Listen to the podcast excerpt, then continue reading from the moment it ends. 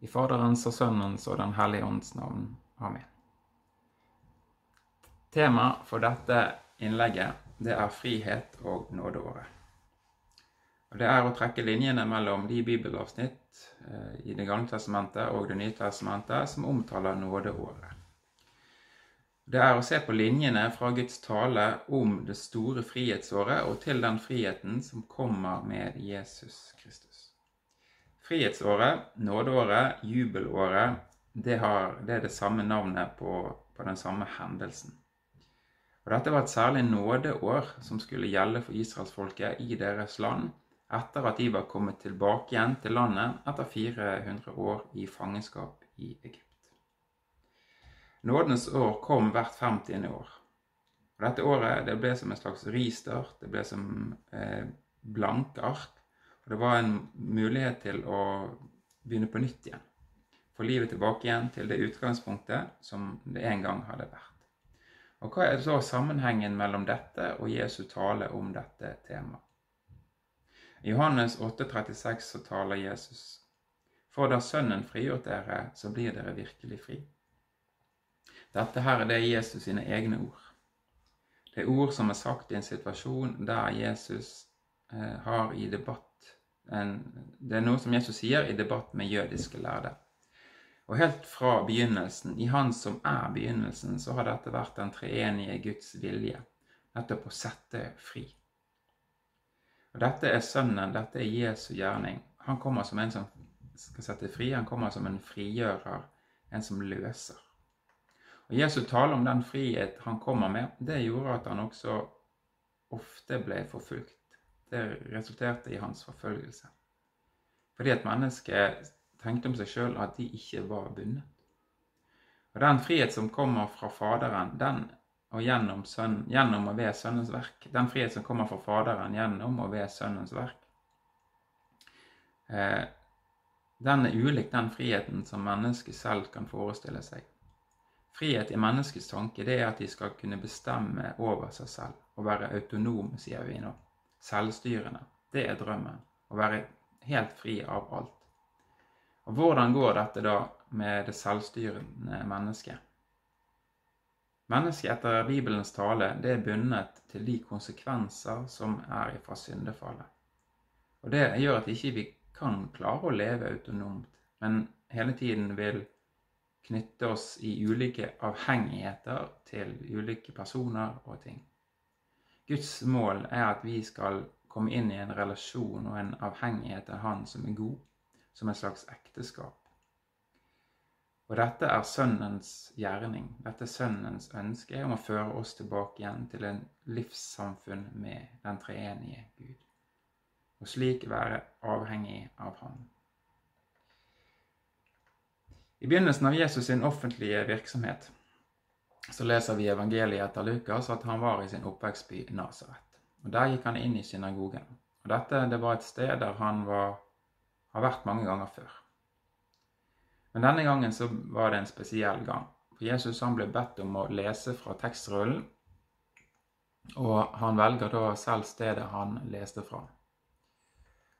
De ga han da profeten Jesajas bok, og da han hadde åpnet boken, fant han stedet der det står skrevet Herrens ånd er over meg, for han har salvet meg til å forkynne evangeliet for fattige. Han har sendt meg for å forkynne for fanger at de skal få frihet, og for blinde at de skal få syn, for å sette undertrykte fri, for å forkynne et nådens år for Herren. Han lukket boken, ga den til tjenerne og satte seg. Alle som var i synagogen, hadde øynene sine festet på ham. Han begynte så med å si til dem, i dag er dette Skriftens ord blitt oppfylt for ørene deres. Alle ga ham vitnesbyrd og undret seg over de nådens ord som lød fra hans munn, og de sa, Er ikke dette Josefs sønn? Folk i synagogen var i forventning eh, om et mirakel. De hadde hørt rykter om Jesus, og de hadde hørt eh, om de under og tegn, eller de under og mirakler som han hadde gjort i området. Og nå er forventningen deres at han skal gjøre det samme her hos dem. For mennene søker svar på det spørsmålet som de har om hvem Jesus er. Men Jesus kjenner deres hjerter og vet at de allerede er skeptiske til ham. Og i stedet for et mirakel så forkynner Jesus for dem. Han proklamerer, han roper ut et budskap om frihet. Et budskap for fangene, for de blinde og de undertrykte. Han roper ut et nådens år fra Herren. Og siden han roper det ut denne dagen i synagogen, så er dette det fremdeles gjeldende ropet fra Jesu munn. Han roper ut til alle syndere som trenger hans frelse. Hva er dette nådens år fra Herren, og hva er Guds budskap til oss om dette og i dette? For å finne svar på dette så må vi gå til 3. Mosebok kapittel 25. Og Vi er da i tiden der israelsfolket nylig har blitt ført ut, fra, ut i frihet fra fangenskapet i Egypt. Og Dette folks frihet fra Egypt det er et forbilde også på hvordan Guds menighet blir ført ut i frihet fra verden og lever i samfunn med Gud. Og mens dette folket vandrer gjennom ørkenen mot det landet som Gud har lovet dem, så får de en mengde lover og ordninger som regulerer livet i folket og i det fremtidige landet. Og disse ordningene er nettopp av Gud på forhånd gitt, før de går inn i landet. De er ikke kommet til som nødordning etter en slags forfeilet frihetsprosjekt. At Gud ser at nå har folk er blitt fri, og nå har de begynt å gjøre som de vil, og derfor så må vi stramme opp. Nei, de er bestemt på forhånd av Gud. Og da vet vi at Gud har lagt ned et profetisk budskap i dette, som strekker seg videre utover eh, og gjelder bare for dette folket. Men at det også her er noen, eh, et budskap til oss. Og det ser vi også når, ved at dette budskapet blir hentet inn i profeten Jesajas bok, og også har blitt brukt i Jesu egne ord og forkynnelse. Men la oss lese fra teksten i Tredje Mosebok. Jeg leser litt ulike vers her. 3. Mosebok, kapittel 25. Så skal du telle frem sju sabbatsår, sju ganger sju år, så tiden for de sju sabbatsår blir 49 år. Og i den sjuende måneden på den tiende dagen i måneden skal du la hornet lyde gjennom landet. På soningsdagen skal dere la hornet lyde gjennom hele landet. Dere skal holde det femtiende året hellig og utrope frihet i landet for alle dem som bor der. Dette skal være en jubelår for dere, og dere skal komme tilbake hver til sin eiendom og hver til sin slekt. Et jubelår skal, de, skal dette femtiende året være for dere. Ikke skal dere så, og, dere skal, og ikke skal dere høste det som vokser av seg selv i det året og ikke skal dere sanke druer av de ustelte vintrærne i det året. For det, det er et jubelår, hellig skal det være for dere. Av marken skal dere ete det den bærer, og i dette jubelåret skal dere komme tilbake, enhver til sin eiendom.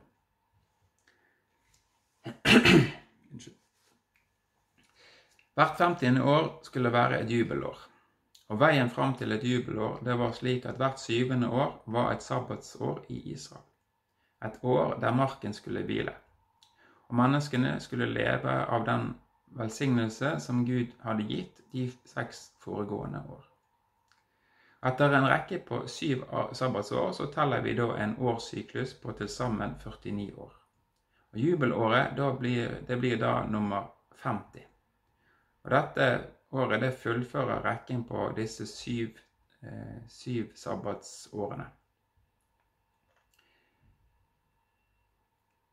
Når jubelåret er kommet, så begynner syklusen på nytt igjen. Da, da kommer forløsningen, hvilen og friheten til folket. Og vi begynner da på en måte på nytt igjen i Guds bruk av denne symbolikken. Vi finner tre hovedsaker i jubelåret. Eh, tre hovedtema hovedtemaer som vi skal eh, ta utgangspunkt i for resten av foredraget. Det er forløsning, hvile og frihet. Når vi holder de tre kjennetegn på frihetsårets hendelser sammen med resten av Bibelens ord, og særlig Jesu tale, så kan vi oppdage noen av de skattene som ligger i budskapet som gis til oss her. Først om forløsningen.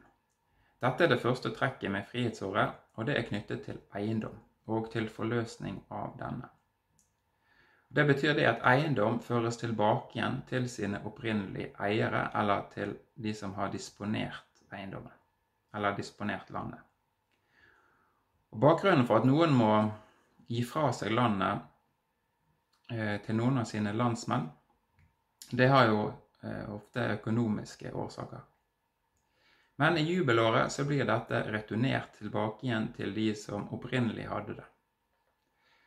Landet israelsfolket fikk når de kom til løfteslandet sitt, til Israel, til landet som Abraham var lovet, det ble fordelt ut til de etter stammer og familier, slik at hver gruppe fikk sitt sted som de skulle bo på.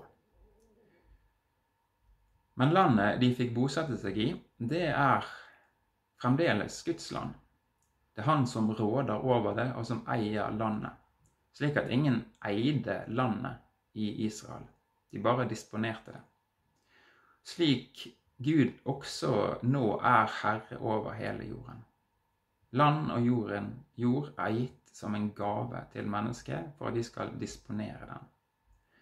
Og her, skulle, her skal familien bo, og av det så skal de leve og arbeide. Men hvordan kan livet utarte seg? Jo, erfaringen til de aller fleste er at det går i bølger. Noen de er heldige. De lykkes med sitt. Barna deres er friske, de selv er friske, dyrene deres lever godt, rottene holder seg unna avlingene, og ting går overraskende bra.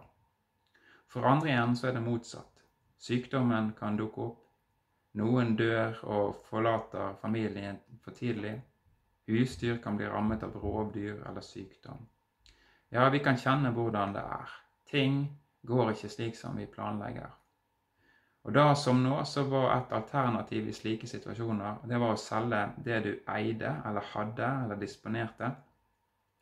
Og Dette kunne da israelitten gjøre. De hadde lov til å, til å leie ut landet sitt eller selge landet sitt til andre israelitter for at de kunne få leve på den summen som de fikk for dette. Og Kjøpesummen for landet den ble da beregnet ut fra landets fruktbarhet og hvor lenge det var igjen, jubel, hvor lenge det var igjen til neste jubelår. Og Når jubelåret var kommet, så skulle da landet automatisk føres tilbake igjen til dem som først hadde fått lov til å disponere. Og Denne ordningen den har med seg et budskap til Israel. Det er Gud som eier det landet som dere bor i og bor på. Og med det så sier Gud at dere er under mitt ansvar. Og en slik ordning som dette, den bevisstgjør Israel om at de er gjester i en annens verden. Og deres fremtid den er ikke avhengig av at de skal samle seg mest mulig land og rikdom. Og Bibelen advarer oss ofte mot å samle oss skatter her på denne jorden. Et innskudd i dette er jo det at sabbatsåret og jubelåret taler til folket om at, liv, at livet deres er avhengig av Herrens nåde, og at Han er den som sørger for dem og gir dem det de skal leve av.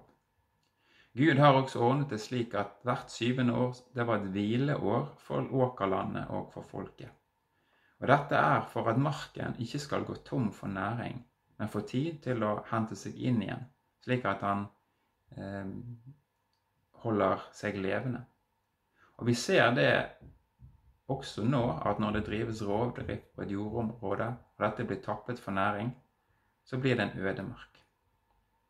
Men Gud han vil at hans land skal forvaltes etter en god ordning.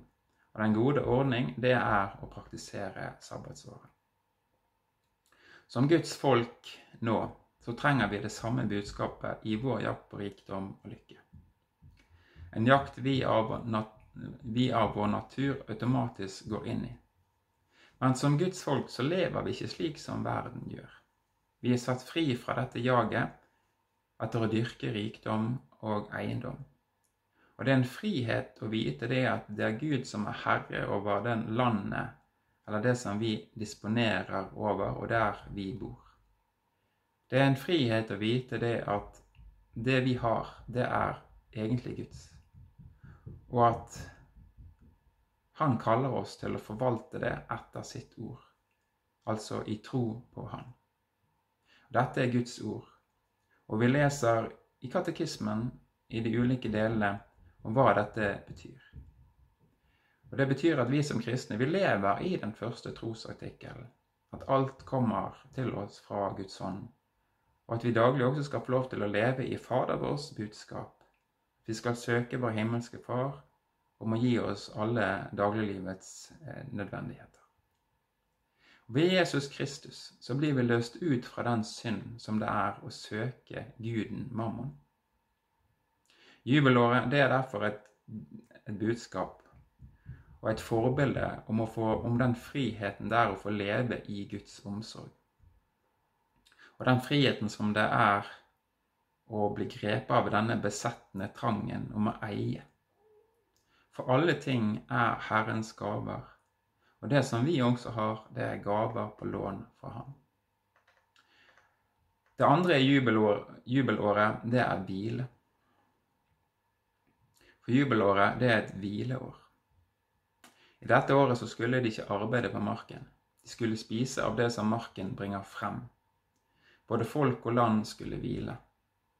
Og Dette det er et perspektiv fra skapelsen. Og Dette forteller oss om hvordan arbeid og hvile henger sammen. Hvordan dag og natt avløser hverandre. Hvile er også noe som er skapt og villet av Gud. Det er en gave. På samme måte som arbeid og kreativitet er en gave, så er hvile og, og ro en gave. Og For Israel så har dette vært en prøve, og det er også en prøve for mange kristne i dag. Vi leser et eh, lite avsnitt til fra 3. Mosebok eh, 25. Ingen av dere skal gjøre sin neste urett, men du skal frykte din Gud. For jeg er Herren deres Gud.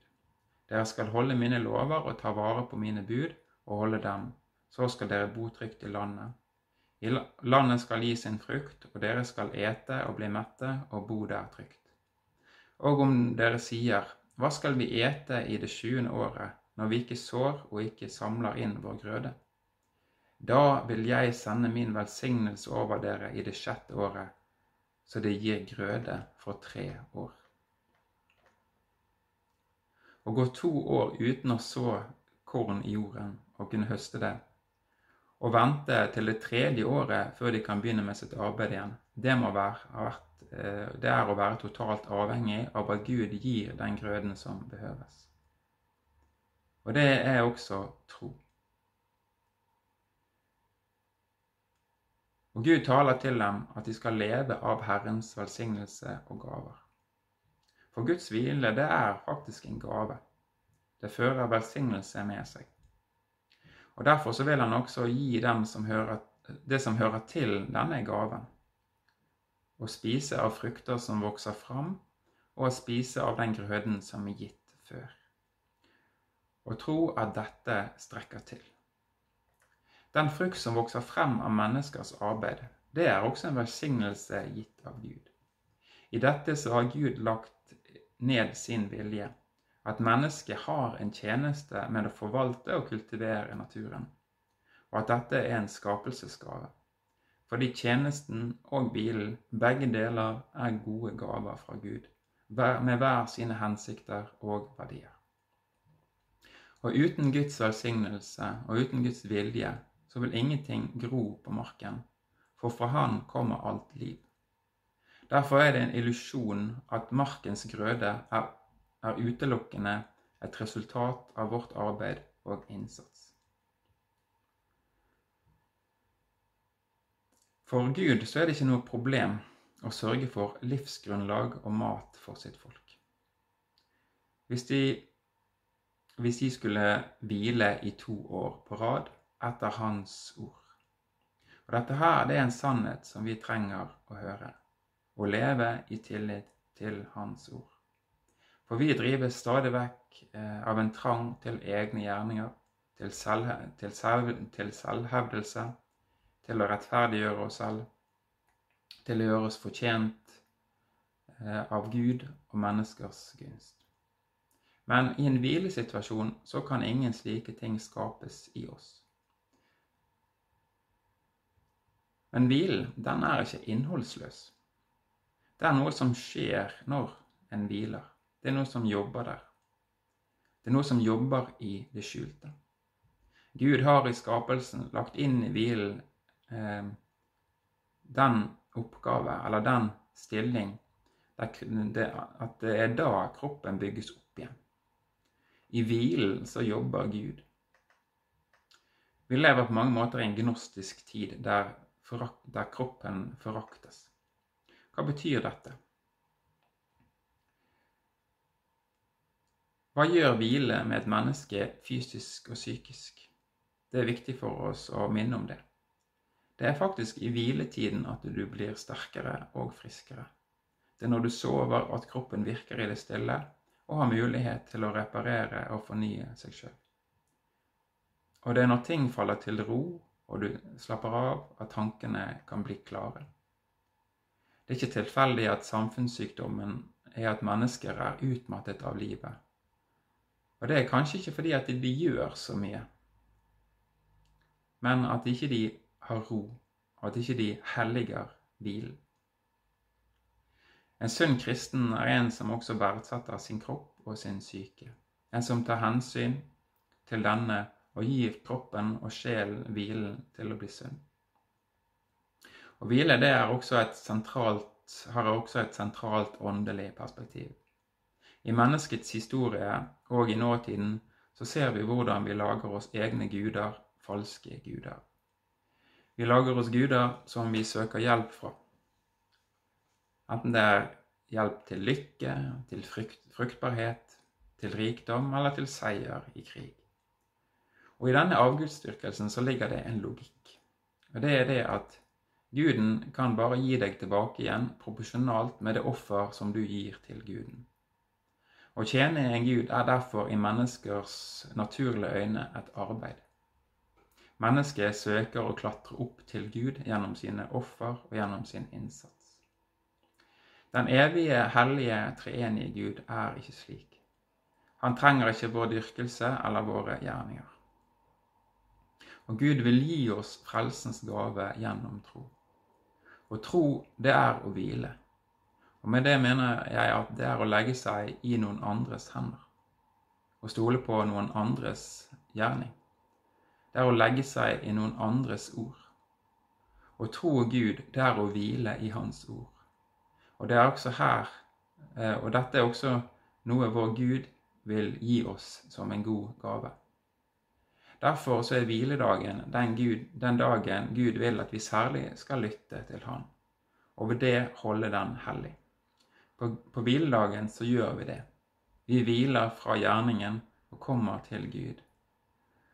Og i dette møtet, mens vi er stille og hviler, så virker Guds ånd og ord i oss, slik at kroppen bygges opp, slik som kroppen vår bygges opp når den får være stille og hvile. Og i forbildet fra jubelåret så ser vi at vi finner friheten til å hvile. En frihet til å hvile på alle plan. Hvile som mennesker av kjøtt og blod, med, med, en, med en kropp som trenger å hvile. Hvile for vår psykiske del, den, den delen av oss som trenger hvile fra bekymring og uro. Og hvilen vår, for vårt åndelige menneske. En hvile som hviler i troen og tilliten på Guds ord alene. Vi kan hvile i den sannhet at vi ved Jesus Kristus har ført inn i hans seier, at han vant for oss. Og vi kan som Guds folk frimodig tro at vi er Guds skapninger, og skapt til å leve i en sunn veksling mellom arbeid og hvile, og at Gud velsigner begge deler. Det siste perspektivet vi vil trekke inn knyttet til dette med jubelåret, det er frihet. I nådens år, i frihetsåret, så skulle alle treller slippes fri. Og Dette var for de jøder som hadde latt seg inn som treller, eller latt seg bli treller for noen andre eh, israelitter. Og Dette måtte de gjøre pga. gjeld eller andre forhold i livet. Normalt sett så skulle disse behandles bedre enn andre slaver. Og når frihetsåret da kom, så ble de automatisk fri. og kunne reise hjem igjen til sine opprinnelige hjem. Så frihetsåret, når det kom, så var det, betydde det frihet for alle treller. Og det er denne frihet Jesus kobler sine ord til når han taler i Nasaret. Her har han lest om hvordan Jesaja profeterer om hvordan Herrens utsendte, hvordan hans Messias er den som skal komme med frihet. Og den friheten som Jesajas taler om, og Jesus taler om, den er nok mer dyptgående enn den jordiske friheten som er for folket i lovgivningen i Tredje Mosebok. For her taler Jesaja som en mer omfattende frihet. I Jesaja 61, 1, så leser vi Herrens, Herrens ånd er over meg, fordi Herren har salvet meg til å forkynne et godt budskap for de fattige. Han har sendt meg til å forbinde dem som har et nedbrutt hjerte, til å utrope frihet for de fagne og frigjørelse for de bunne, til å utrope et nådens år for Herren og en hevnens dag fra vår Gud, til å trøste alle sørgende. En frihet for de fangne, en frihet for de bundne. Eh, dette er ikke et sosialt evangelium. Men dette er et evangelium om hvordan Messias skal sette fri fra djevelens og syndens fangeskap. Og ut fra denne frigjørelse, skjer, som, denne frigjørelse som skjer ved dåpens bad, så blir hele jubelåret et budskap for oss. Det er et budskap for oss fattige som trenger Herrens inngripen. For friheten den kommer ved Jesu gjerning. Og i Israel så var jubelårets start det var på den store forsoningsdagen. Og Dette var den årlige høytiden der ypperstepresten gjorde soning for folkets synder. Og Denne forsoningsdagen den er et forbilde på Jesus soning for våre synder. For når Jesus kommer, eh, for når Jesus er den som bringer den fullkomne soning for verdens synd på den egentlige forsoningsdagen på langfredag, så er det da jubelåret starter. Det er da denne friheten bryter ut. I forbildet fra jubelåret og Jesu taler så ser vi det som er den virkelige frihet. Det er den frigjøringen som mennesket får fra synd og bindinger. En handling som foregår utelukkende i Guds forsonende gjerning, der han soner synden. Og alt dette skjer utenfor oss selv, men det er gitt til oss og forkynt for oss med lyden fra Guds horn, som vi leste i Tredje Mosebok, eller med ropet fra Guds munn, som Jesaja og Jesus taler om.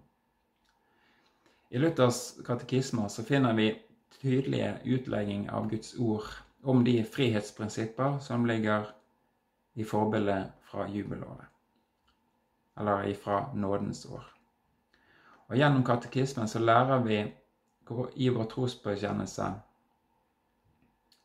at det å være et Guds barn, det omfatter, det omfatter å leve i disse gaver.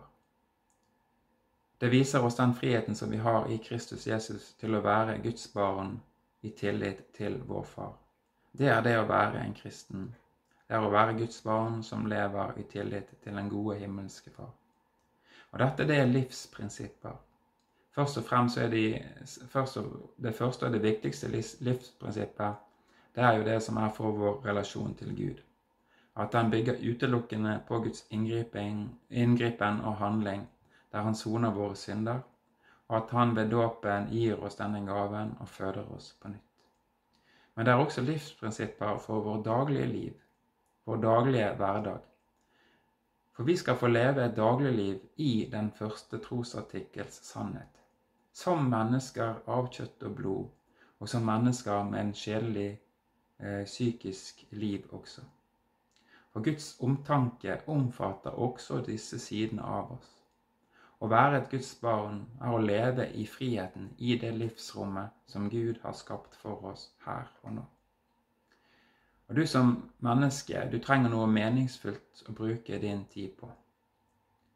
Gjennom det du får ved at du får blikket ditt bort fra din egen navle. Og du kan nå se din neste for du er ikke lenger din egen Gud. Friheten det, friheten det gir å leve i Guds gaver, det løser oss fra det å skulle grabbe til oss og til oss selv på vår nestes bekostning. Å få leve med blikket utover lar oss få se den rikdommen som vi har fått. Som frigjorte treller som får hvile, som, som, som får leve i hvilens velsignelse. Dette er budskapet til oss i Guds ords tale om jubelåret eller nådens år.